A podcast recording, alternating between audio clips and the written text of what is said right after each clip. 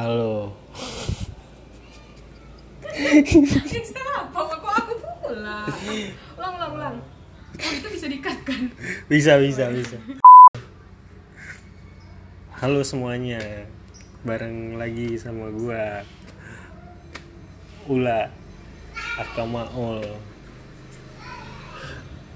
Jadi kali ini gua akan nge-podcast sama orang yang sebelumnya udah ada di sini dua episode di episode pertama dan episode kedua.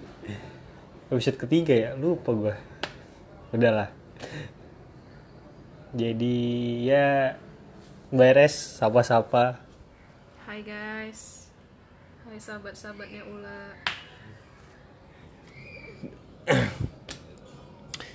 jadi akhir-akhir ini sibuk ngapain nih semenjak terakhir kita ketemu Ngapain ya gue ya? Ya biasalah, menikmati hidup, menikmati PSBB, begitulah kurang lebih. Iya, di tema kali ini kita akan ngebahas tentang gue gak punya tema, gak punya kata-kata yang keren, cuman gue jabarin aja kayak pernah gak sih lo ngerasa bahwa diri lo tidak pede saat lo mencintai seseorang? Atau ngerasa kadang ngeliat, wah kayaknya gue gak pantas buat dia, atau kayaknya gue tuh gak mungkin buat sama dia. Nah, sedikit pengalaman, oh gue juga pernah kayak begitu ngeliat cewek nih kayaknya aduh entah latar belakang keluarganya entah karena memang latar belakang ling- latar belakang lingkungannya teman-teman nongkrongnya atau gaya hidupnya. Kadang membuat gue nggak pede apalagi dengan tampang yang pas-pasan. Ibarat kata kalau di pujaga-pujaga lama tuh kayak si si apa ya punduk merindukan bulan si bungkuk merindukan bulan. Kan kayak nggak mungkin ya.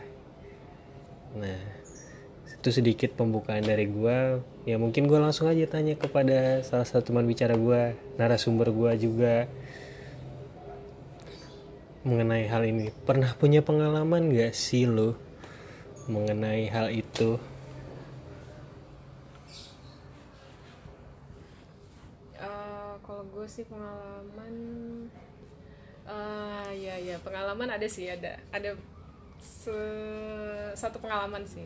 Satu pengalaman eh di mana gue pernah suka nih sama seseorang tapi gue nggak pede gitu. Gue nggak pede sama diri gue gitu. Karena eh, ada perbedaan kayak gitu sih menurut gue perbedaannya apa perbedaannya tapi mungkin sebagian orang anggap itu hal yang nggak berbeda ya tapi menurut gue itu suatu perbedaan. Salah satunya adalah gue mandangnya dia dari eh, status pekerjaannya dia kayak gitu. Dari status intelektualnya dia kayak gitu. Jadi gue merasa kayak nggak wah gue nggak pede nih. Ntar dia bahasnya apa gue masih yang gimana gitu. Nah kayak gitu sih. Emang kalau kalau gue nih sebagai cowok tuh nggak tahu ya gue cukup selektif menurut gue yang harus agak sedikit bisa nyambung diajak ngobrol lah ya. Iya pasti. Cuman masih sih cewek juga kayak gitu diajak nyambung nyambung diajak ngobrol. Maksudnya bahasan sedalam apa sih sampai lo ngerasa ah ini orang terlalu intelektual buat gue Mhm. ya ah bahasan ah, lo ngebahas lo akan ngebahas apa kalau lo nanti punya pacar? Bahasan lo apa kalau bahas tentang teori relativitas? Enggak kan? Nah, itu dia yang makanya gue bilang kan, mungkin bagi sebagian orang itu nggak jadi masalah kayak gitu ya. Tapi buat gue sendiri itu jadi salah satu hmm, bisa dibilang sih masalah ya kayak gitu. Karena gue mikirnya gini, eh, oke lah misalnya kita sama-sama suka nih, tapi kan untuk hubungan yang memang eh, jangka panjang gitu ya, yang bakal serius ke depannya kan nggak cukup hanya saling suka doang gitu ya. Hal yang paling penting itu adalah kalau kita nyambung gitu komunikasi kayak gitu. Menurut gue ya harusnya kita tuh nyambung gitu. Se paling nggak kita se inilah sefrekuensi kayak gitu Sefrekuensi, sefrekuensi oke. iya sefrekuensi. Sementara gue mandangnya wah gue gue apa gitu. Gue dari yang gue narik dari segi pendidikannya juga gitu kan. Dia dari alumni mana gue dari mana gitu. Jadi kayak ada gap yang cukup ini sih cukup jauh menurut menurut gue ya menurut gue. Nggak tahu gue yang nggak pede atau memang uh, ada yang setuju juga dengan pendapat gue kayak gitu. Tapi sebenarnya artinya lu sendiri tidak mengenali diri lu, lu dengan baik ya jadi tidak menerima diri lu dengan baik kalau menurut gue ya. Heeh. hingga terjadi hal begitu. Coba kalau lu ngerasa menerima diri lu ya udah gue dengan kekurangan gue gitu. Dan gue nggak tahu ya lu boleh sependapat sama gue atau enggak atau punya pandangan lain. Tapi eh, apa namanya jodoh itu kalau gue sekarang tuh bukan orang yang punya banyak kesamaan Heeh. tapi orang yang ya Beda gitu. harus berbeda. Maksudnya bukan berbeda dalam arti berbeda yang gimana gimana gitu. Ya lu lihat kayak setiap hal itu kan berpasangan. Kayak konotasi warna hitam dan putih baik dan buruk Mhm. negatif dan positif semuanya kan berbeda iya benar. secara value tapi sama secara kualitas. Maksudnya sama sama skupnya sama lah. Ketika lo bicara uh, elektromagnetik gitu kan positif dan negatif temennya kan. Nggak mungkin dong positif dan netral. Iya. Oh, positif dan positif ya kelainan dong Iya, kan. Iya sih sebenarnya. Cep- tapi ya gimana? Gue juga bilangnya gimana gitu. Makanya gue tadi di awal bilangnya eh, nggak tahu orang memandang itu kayak gue memandang atau gimana gitu ya. Tapi pada faktanya kayak gitu gitu. Kalau misalnya gue ketemu sama orang yang eh, jauh nih menurut gue di atas gue secara banyak hal gitu ya gue pasti langsung jadi nggak pede gitu. Ah dia tuh terlalu tinggi di atas gue gitu. Dia tuh terlalu sempurna kayak gitu buat gue kayak gitu. Jadi gue kayak ngerasanya kayak dia kasihan deh kalau dapetin gue gitu. Ya karena gini kalau kenapa sih kayak gitu? Gue gue juga gak ngerti kenapa kayak gitu. Karena gini kalau gini lu kan tahu ya pangeran Inggris ya pangeran George ya? Iya, George iya. ya dia menikahnya bukan sama tuan putri loh. Iya. Masyarakat biasa loh dia nikahnya loh. Nggak maksud gua apa sih yang melatar belakangi lu tuh sampai ngerasa ah gila gue tuh kayak nggak layak buat dia. Gue juga pernah di tahap itu. Cuman kalau gue lebih karena memang menyadari diri gue kayak oh ini orang terlalu cakep atau bapaknya terlalu tajir. Gitu kan kayak ya kondisi keluarganya misalnya dia lingkungan keluarganya memang hidup yang berkecukupan dan bahkan berlebih kan. Sementara gue yang ya tidak tidak berlebih dan tidak kurang juga cukup lah. Tapi kan come on lah masa tiba-tiba nih cewek sama bapaknya di diperlakukan layaknya putri apa aja tinggal jentik gitu kan. Terus tiba-tiba ketemu sama gua ya makannya di warteg. Ya mungkin mungkin. Gue juga nggak tahu karena gue nggak pernah mempertanyakan itu ya ke dia ya. Tapi lo sendiri pernah nggak? Ada orang yang suka sama lo terus dia nggak pede? Mungkin dia nggak cerita langsung. Mungkin lo dengar cerita dari temen lo kayak misalnya eh si si ini suka sama lo cuman dia nggak pede. Gitu kan. Pernah pernah ada ada yang ngaku langsung malah ke gue ada yang ngaku? Mm-mm. ada yang ngaku langsung. Terus dia bilang gini kan "Eh, sebenarnya dulu tuh dia pernah suka sama gue cuman dia nggak berani ngungkapin sampai akhir gitu. Tapi dia gue tahu gitu kalau dulu tuh dia pernah deketin gue kayak gitu. Tapi dia nggak berani langsung bilang. Akhirnya sekarang sekarang ini baru dia bilang kayak gitu. Cemen. Iya. Terus gue tanya lu kenapa nggak ungkapin dulu? Gue bilang kayak gitu. Iya aku nggak pede sama sama diriku kata dia kayak gitu. Aku ngerasanya kayak nggak layak aja gitu untuk sa- untuk sama sama kamu kata dia gitu kan. Lah kok kayak gitu sih? Nah tapi di satu sisi juga gue juga tanpa sadar kayak gitu ke orang yang di atas gue gitu. Tapi lo memandang bahwa diri lo lebih rendah dari dan lebih tinggi dari orang lain itu lo lihatnya dari sisi apa sih? Kalau gue jelas tampang ya. Kalau gue ngelihatnya dari segi karir dan intelektualnya dia sih itu yang lebih yang paling eh, besar pengaruhnya menurut gue kalau misalnya tampang sih nggak terlalu. Jadi kalau gue ngelihat orang yang karirnya tuh udah jauh di atas gue terus secara intelektual juga dia jauh di atas gue gitu. Nah itu pasti gue jadi nggak pede kayak gitu. Itu sih. Misalnya dia pengusaha omsetnya triliunan. Ya bisa jadi. Terus lu cuman gue gue apa omsetnya gitu. satu miliar. Sama amin, dong. amin ya Allah gitu. Iya yang kayak gitu sih. Tapi udah pernah nyoba lah ya. Udah pernah udah pernah pada enggak akhirnya justru gue jadi gue jadi nggak berani gitu untuk memulai dengan orang yang gue rasa eh, jauh perbedaannya sama gue gitu. Karena ada case gitu di mana teman gue ngenalin sama seseorang nih. Hmm. gue udah udah tahu dia gitu. Tapi karena gue tahu dia itu jauh di atas gue sekarang gue jadi ah ya udahlah kayak dia nggak nggak ini sama gue nggak nggak cocok gitu. Karena dia udah jauh di atas gue secara karir secara intelektualnya juga menurut gue dia jauh di atas gue gitu. Jadi gue takut nggak bisa ngimbangin gitu loh. Secara umur tapi sama? Secara umur cuma beda setahun doang. Oh, oke oke. Nah, secara umur. Sekarang dia di mana? Sekarang jadi ya di kota ini di gitu. Jakarta. Ya di Jakarta. Semoga dengerin. Nggak bakal. Kalau dia dengerin gue cari di Instagram lo ntar nggak siapa bakal dia namanya. dengerin. Yang ini bukan sih? Yang yang kementerian nggak perlu disebut. Oh iya. Pokoknya gitulah. Kebetulan menteri ya. Apa sih Iya. Yasona? Yasona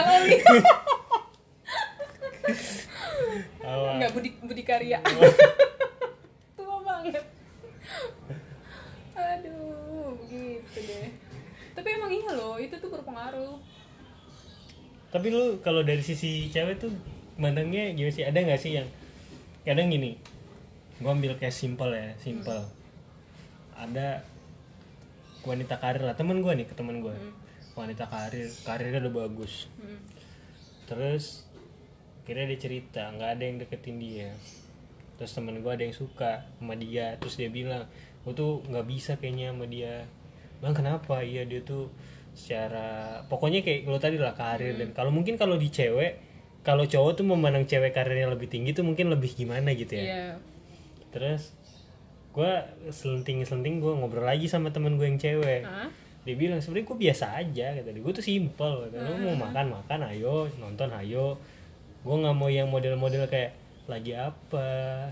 Udah makan apa belum? Enggak. Lo mau ajak gue nonton ajak gini. Ya udah ayo. Jadi kan itu sesuatu yang simple tapi kan apa ya? orang di luar itu nggak mandang kayak gitu ke dia. iya. kan gitu kan? Tapi lo mungkin oh, sebagai ter- oh iya iya paham nangkap nggak lu? Sebagai cewek gitu kan? Lu kayak mungkin kayak tadi nih orang yang memandang lu aku tuh nggak pede sama kamu karena kamu tuh ya lebih tinggi pemikiran dan segala macam. Intelektualitas kamu lebih bagus daripada aku misalnya gitu. Padahal lu mah ngerasa diri lu tuh biasa, Biasa aja. aja, gitu, gitu. ya lu pengen deketin gue deketin aja. Gue pengen liat effort terus gimana Iya, gitu kan. bener-bener. Harusnya gue juga gitu ke dia ya Oh, iya sebenarnya bisa tapi gue nggak pede aduh parah iya sih Kenapa sih nggak pede kenapa? Lu nggak gini selain faktor tadi lah intelektualitas. Masa nggak ada faktor lain sih? Kalau itu kan bisa lo imbangin lah, Hmm. bisa lo imbangin. Maksudnya zaman sekarang tuh canggih. Lo belajar apa aja cepet. Iya sih, tapi ya kembali lagi. Emang kayak emang dari dirinya gua eh gimana ya? Ya dari diri sendiri sih kayaknya. Masalah itu dari diri sendiri gitu. Ju- kayak kayak nggak pede gitu kalau misalnya orang yang bakal deket sama gue tuh terlalu di atas gua gitu. Gua ekspektasinya bahwa dia itu nggak nggak terlalu jauh gitu sama gua dari segala aspek kayak gitu kalau gitu gue mau nanya yang mungkin. Gue tahu kayaknya. Mungkin. Karena gua tipe yang eh lebih dominan kayaknya. Kayaknya iya deh. Lo alpha. kayak gue lebih Kayak dominan. gugup. misalnya di dalam hubungan gitu ya.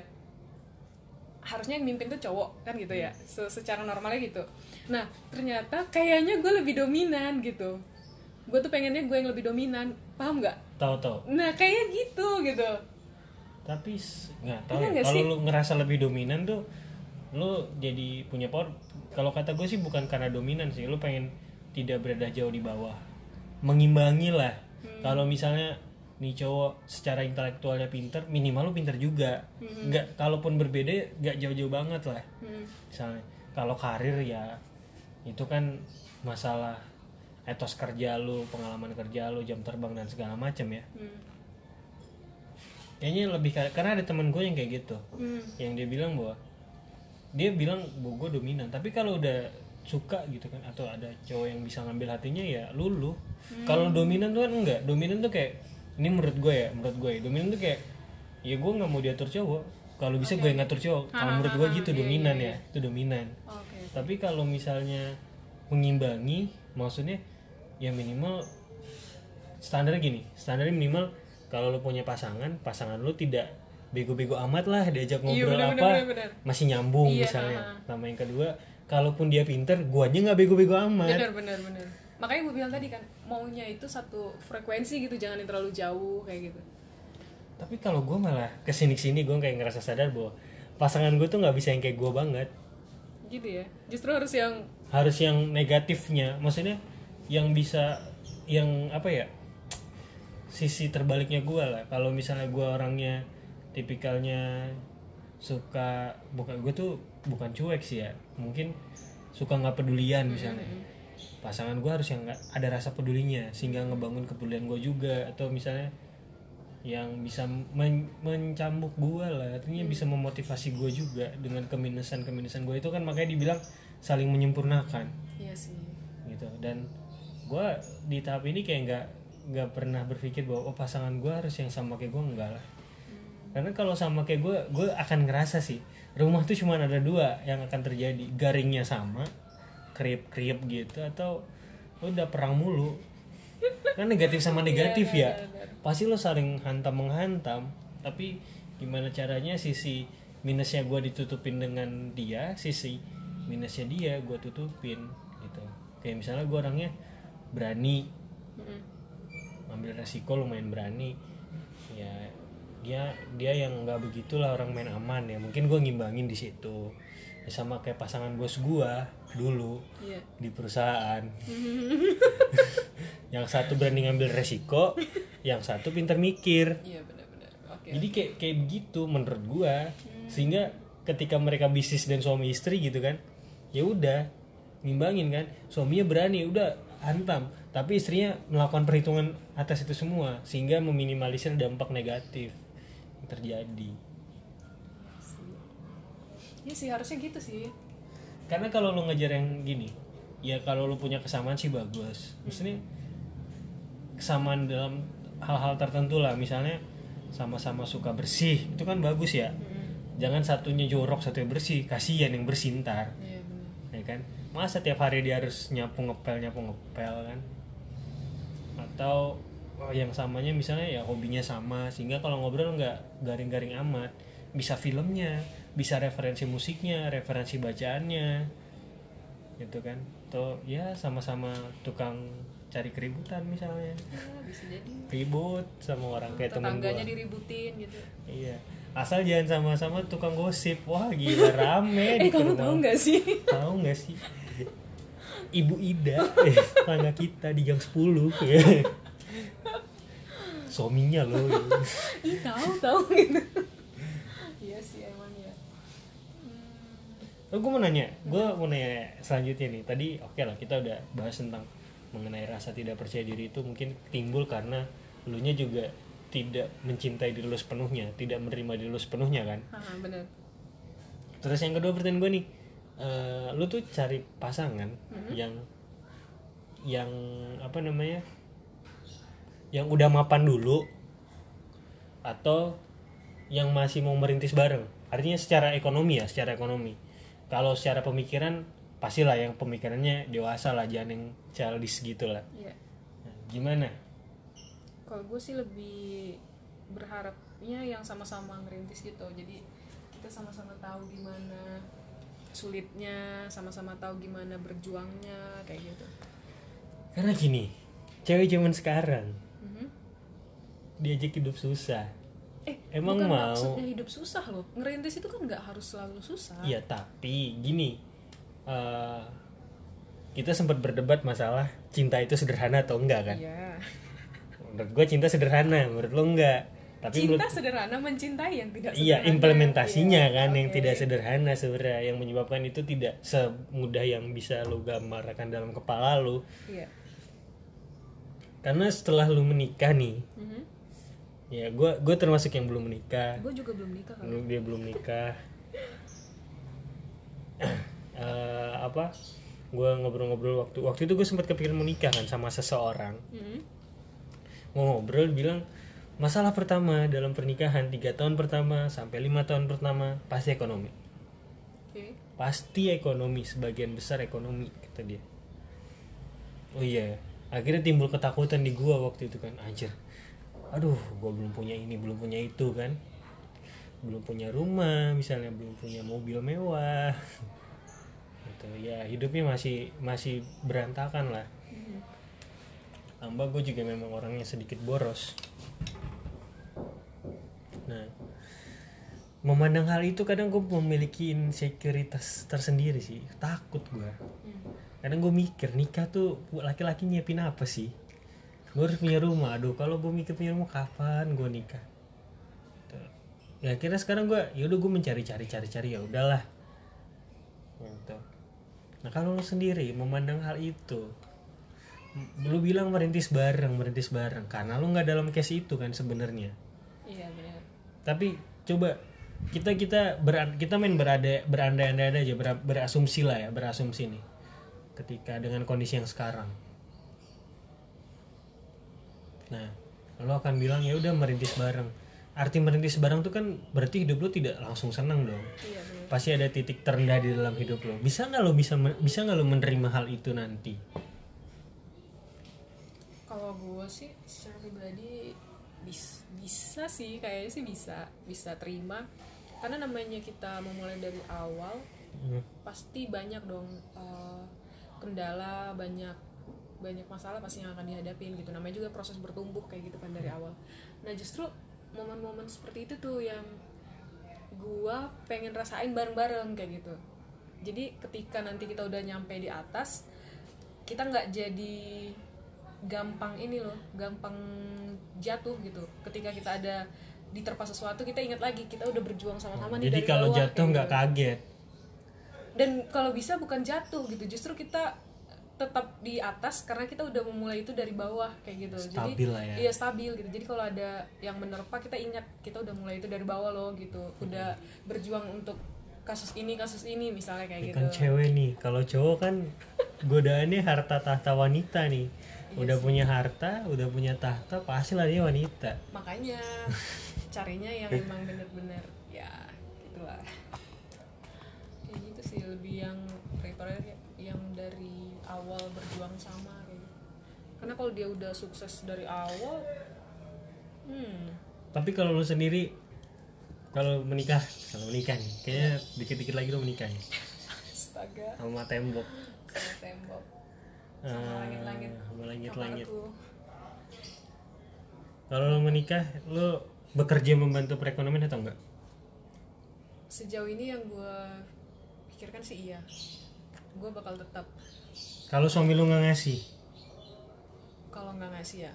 Kalau misalnya dia nggak ngasih dengan kondisi memang eh, secara finansial kita dalam jangka menengah beberapa tahun ke depan misalnya gitu Hmm. kita bisa eh, melihat kalau keuangan keluarga kita itu cukup gitu bisa untuk mengcover beberapa tahun ke depan gitu jangka menengah kayak gitu ya. Ya it's okay sih gitu buat gua gitu. Tapi kalau misalnya kita sama-sama tahu masih berjuang ya gua rasa sih lebih baiknya kerja bareng-bareng gitu. Oh, itu yang yang masih jomblo silakan merapat. Kenapa udah punya planning nih bagus. Ya emang harus gitulah kan nggak eh, apalagi di zaman sekarang nih kebutuhan tuh nggak nggak mudah. Dan gue juga kadang mengakui bahwa diri gue memang boros gue juga butuh seorang planner sih. Hmm.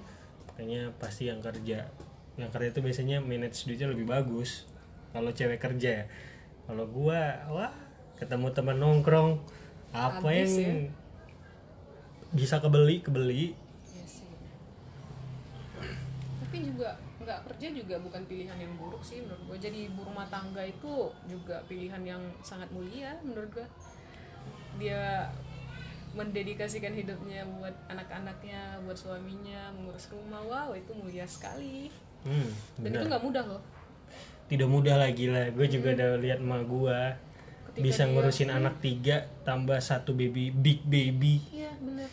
Dia ngabisin waktu 24 jam di rumah doang. Wow itu keren sih kalau orang-orang yang kayak gitu. gue aja dengan kondisi sekarang disuruh di rumah aja pusing Iya, kalau gue. Iya benar. dan ada orang yang, Yang kuat di rumah aja bertahun-tahun bertahun-tahun gitu ya. Puluhan tahun malah kan? yang penting cuma satu Iya remote TV jangan direbut. Di jam-jam tertentu ya. iya sinetron Azab Cinta Fitri Joda Akbar. Apa apa gue sekarang Korea. Iya. oh sekarang ini The Word of Marriage ya? itu itu juga tuh. Iya benar. yang penting itu rulesnya remote TV jangan direbut. Kalau tidak ingin nyawa anda melayang itu jangan kata bapak kita presiden aja nggak ngerebut remote dia. TV-nya dihantam. Lagi. Gua gue kayak nggak punya prepare sih sudah ngelakuin ini. Jadi karena hari ini tuh gue ke bank anjir lama banget di bank gue dari jam 10 sampai jam 2 di bank akhirnya gue berpikir ah udahlah nggak kerja gue jadi karena gue pulang jam 3 iya sih. Nggak apa-apa lah kalau memang kantornya juga it's okay. Potong gaji lah gila. Gak apa-apa lah udah pusing gue di sekarang tuh kayak ngerasa uang bukan segalanya. Tapi segalanya butuh, Butuh uang. termasuk nikah gitu. nikah. butuh uang. Lalu kalau nikah resepsinya pengen mewah atau enggak? Gue ya dari dulu dulu kalau eh, ya namanya wanita-wanita tuh punya mimpi lah ya. Kayak pernikahannya bakal kerajaan-kerajaan gimana gitu ya. tapi gue nggak nggak ekspektasi yang kayak bakal kerajaan-kerajaan yang Disney apa segala macam gitu enggak. Justru gue ekspektasinya itu yang sederhana gitu. Kalau bisa tuh emang orang-orang yang gue kenal kayak gitu. Karena kan kebanyakan nih eh, nikah gitu resepsi gitu ya. anak terakhir loh tendensi orang tua lo Iya. bahaya. Gue juga gini gue anak pertama dan gua tendensi or- orang tua gue juga gede tapi gue sendiri kayak ngerasa udahlah gue ngundangnya dikit-dikit aja. Iya gue pengennya kayak gitu. Yang sekiranya memang eh, seremonialnya dapet Mm-mm. kedekatan dan kehangatannya dapet iya bener. gue aja keluarga aja mungkin udah ada 100 orang gue iya kan gitu kan. Keluarga ya. Bener-bener. karena gini gue punya keluarga dari ibu gue ibu gue udah meninggal. Terus sekarang ibu tiri gue punya keluarga lagi. Iya bener belum bapak gue belum gue nemuin uyut-uyut gue kakek-kakek nenek gue di Jawa. Kalau gue hitung-hitung saudara doang nih ya sama ponakan-ponakan gue sama sepupu-sepupu mungkin udah ada kali 100 orang. Hmm, itu udah masuk list wajib itu. Iya bener lain lagi sahabat-sahabat. Lain lagi sahabat. Lain teman-teman. Iya bener Makanya gue nggak nggak expect bakal buat pesta. Nah, tapi kalau tendensi orang tua, gitu. tendensi orang Iya tua, sih emang. Tapi temennya dia, sahabatnya dia, Iya, anaknya ini, bapaknya ini, si ini, si itu. tapi menurut gue sih itu bisa dikomunikasiin sih. Kalau memang kita udah punya rencana gitu bakal buat eh, resepsi yang bak- yang gimana gitu ya. Tinggal dikomunikasiin kedua belah pihak sih sebenarnya itu. Walaupun kayak gue sendiri nih di suku gue gitu ya, kayak Batak itu punya punya apa ya adat yang cukup ruwet lah gitu menurut gue. Tahu tuh. Iya. Uh, kalau S1 Ribet, kedokteran ribet. 400 juta cuy. Gua kasih tahu nih. ribet banget gitu kan ada adat yang ininya lah itunya segala macam gitu kan Mungkin updatean terbaru setengah miliar sih. Gue belum update soalnya. setengah miliar ya oh, Iya. enggak lah enggak sampai segitu yang kayak kayak gitu tuh gue nggak nggak pengen kayak gitu karena yang datang itu bisa jadi yang kita kenal cuma 20% 80% kita nggak tahu tuh siapa yang datang ke pestanya kita Biasa gitu. aja orang tengah jalan pengen makan eh gratis nggak masuk. tahu ini siapa gitu kan ini orang dari mana gitu kita nggak tahu gitu kan. Makanya gue Dan tidak ada waktu memikirkan itu iya sebenarnya. dan aduh itu ribet banget. Makanya gue pengennya tuh resepsi yang yang gue kenal orangnya gitu. Yang orang terdekat aja nggak lebih dari 300 orang kayak gitu. Jadi emang kekeluargaan kayak gitu. 300 orang banyak loh. nggak lebih nggak lebih dari 300 eh kalau misalnya adat di adat Batak itu ya itu ribuan orang tahu ul. Kalau nikah kan ini dua dua belah pihak nih dari pihak perempuan sama laki-laki nih. Nah itu yang perempuan ter tamunya sekian ratus yang laki-laki itu sekian ratus gitu itu bisa sampai ribuan di hari Oh iya, itu gua keluarga gue 100 ya. Keluarga nanti keluarga pacar gua nanti berapa ya? Ma, Mungkin bisa makanya gue bilang tuh sampai ribuan. Iya ya. makanya gue nggak mau nggak mau yang yang kayak gitu tuh aduh jangan Tapi nggak apa-apa, banyak keluarga, banyak panitia. Astaga, banyak ribet, murahnya. ribet ribet Gua- cateringnya lagi aduh Eh, wow enggak, gua wah gua buka catering, ya kan. Iya, Paling gua tuh ya, catering malu iya, ya. catering udah wah catering gitu kan. Hitung-hitung gak usah ngasih lah gua. Kasih catering Iya. aja. catering berapa ratus juta ya Enggak, gua gua ngasih modalnya aja. Oh, gitu. Udah modalnya beli apa gitu kan. iya iya Nggak, gaji, pokoknya bisa habis modal lah. Tapi tetap gua kasih sih kayaknya. Sepupu gua, oh. Bagian-bagian panitia udah selesai. Fotografi, oh. Teman-teman gua. Gila kayaknya gua tuh orang gua nih punya temen nih. Hmm. desainer baju. Gue bilang baju gua nih kan ntar Dari lu lu ya? desainerin ya? Ya udah. Itu kalau kalau lu hitung-hitung ya tetap gue bayar. Kalau teman-teman tetap gue bayar lah. Cuman nggak tahu mudah-mudahan gratis. Sponsor dong gitu. Endorse. Eh, maksudnya tetap dibayar. Cuman itu udah motong berapa budget kan yes, iya. Banyak banget. Tapi gue gitu nggak nggak pengen yang lebih dari 300 orang gitu. Jadi dari pihak gue tiga 150 orang paling banyak pihaknya dia 150 orang paling banyak udah cukup Nggak gitu. Mungkin. bisa tahu kita buat kayak gitu kita konsepin aja gitu kan. Emang yang Jadi kita gini, kenal deket 150 gitu tuh gini, 150 tuh lo hitungnya an, suami istri anak. Iya dong 150. iya Nggak mungkin, mungkin bisa nggak mungkin. Jadi kita tuh lu ngundang temen lu aja mungkin ada dia bawa pasangannya. pasangan ya kalau teman kita pas paling paling dia bawa bawa pasangan dua tiga orang paling banyak nggak mungkin dong dia bawa sekeluarga Pasangan dua tiga orang. Mungkin dia bawa Poligami. temannya bukan atau mungkin dia udah nikah bawa anak kan kayak gitu dua tiga orang kayak kayak gitu Ya itu hitung aja lah, hitung aja mungkin bisa sampai 600. Kenapa ngomongin nikah? Ini tadi bahasannya Oh bukan iya, itu. back back back Back to the Jauh topic. banget, jauh banget. Ya. Kenapa ngomongin nikah? iya siapa yang mau nikah ya Oke. si jauh si jauh Apalagi? Oh tadi cewek lu milih mana? Karir dulu atau menikah baru lanjut karir? Eh, kalau Simpelnya gini, lu mau S2 kan? amin Amin ya, gue doain amin juga nih. S2 dulu, apa? Ya udah nikah, nanti sambil S2. Eh, kayaknya sih S2 dulu S2 dulu. Iya. Why? nikah itu nggak gampang Enak lu, lu nikah. bayangin gak sih lu lagi lagi ini eh, ngerjain tesis terus ada yang manggil mami mami Iya, nggak langsung punya anak lah, gila. eh nikah ya kalau misalnya lu langsung dapat baby gitu ya Program, setahun. program. terus lu setahun terus pas dong lu lagi ngerjain tesis Safety can be fun. Iya makanya kali-kali aja nggak terlalu safety gitu ya makanya sih prepare S2 ini kelarin dulu baru nikah Iya, gue doain, gue doain. Lu memandang kalau laki-laki karir di bawah lu kayak gimana? Karir startup pendidikan di bawah lu. karir sama pendidikan ya nggak masalah sih buat gue it's okay It's okay? iya it's okay. No pro? no Apalagi gue bingung. Ada yang mau ada yang mau lu tanya nggak? Nggak bisa pertanyaan karena karena nggak nggak ada persiapan sih. apa ya gue juga bingung kalau bahas ini Kita break dulu ya, Hajan. Balik lagi nih. Bagaimana tadi? eh sampai mana ya S2. oh iya udah Sudah tadi S2 kan lebih milih S2 dulu baru nikah. Karir. Cowok di karirnya di bawah lu secara udah tadi nggak ada lu belum kejawab itu. Udah nggak masalah buat gue Ini berarti udah. iya udah Itu udah. Podcast kali ini udah udah kelar kelar. Gue bisa balik. closing dong closing Ya udah.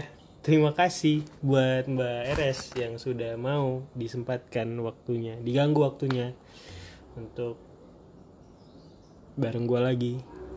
Mungkin ada sepatah patah, sepatah dua patah kata. patah-patah gitu Oh, gue nyimpulin dulu nyimpulin. Jadi intinya dari pembicaraan itu pertama ketika lo mengalami hal di mana lo nggak ngerasa bahwa aduh status lo lebih rendah dari seseorang ya artinya lo belum menerima diri lo seutuhnya sih. So itu cuman masalah lo sudah menerima atau enggak diri lo.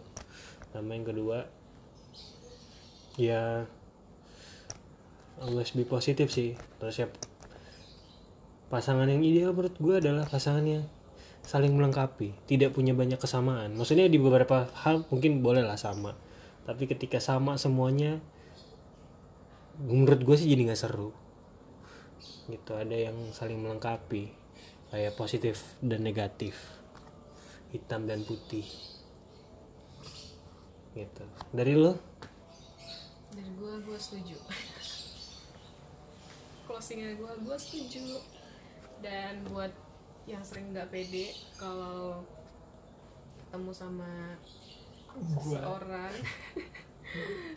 Ketemu sama seseorang yang menurut lo jauh di atas lo secara banyak hal ya nggak masalah sih. Dicoba aja dulu. Kali aja selama ini kamu orang yang dia cari yang melengkapi sisi apaan sih? Ya gitu deh. Nah temen gue gini gue sedikit lagi ya baru pingat kata teman gue tuh ini teman gue yang cewek nih bilang. Dia sekarang karirnya ada di atas. Hmm. lagi bagus lah ya. Ya buat siapa pun yang ingin dekat gitu kan. Maksudnya ya yang penting lo komunikasi aja dulu dari awal. Coba effort lu sampai sejauh mana. Gitu. Mhm. mungkin itu aja terakhir. Iya sih. Ya udah dari gua ulah pamit. Terima kasih banyak. Bye bye ya selamat berbahagia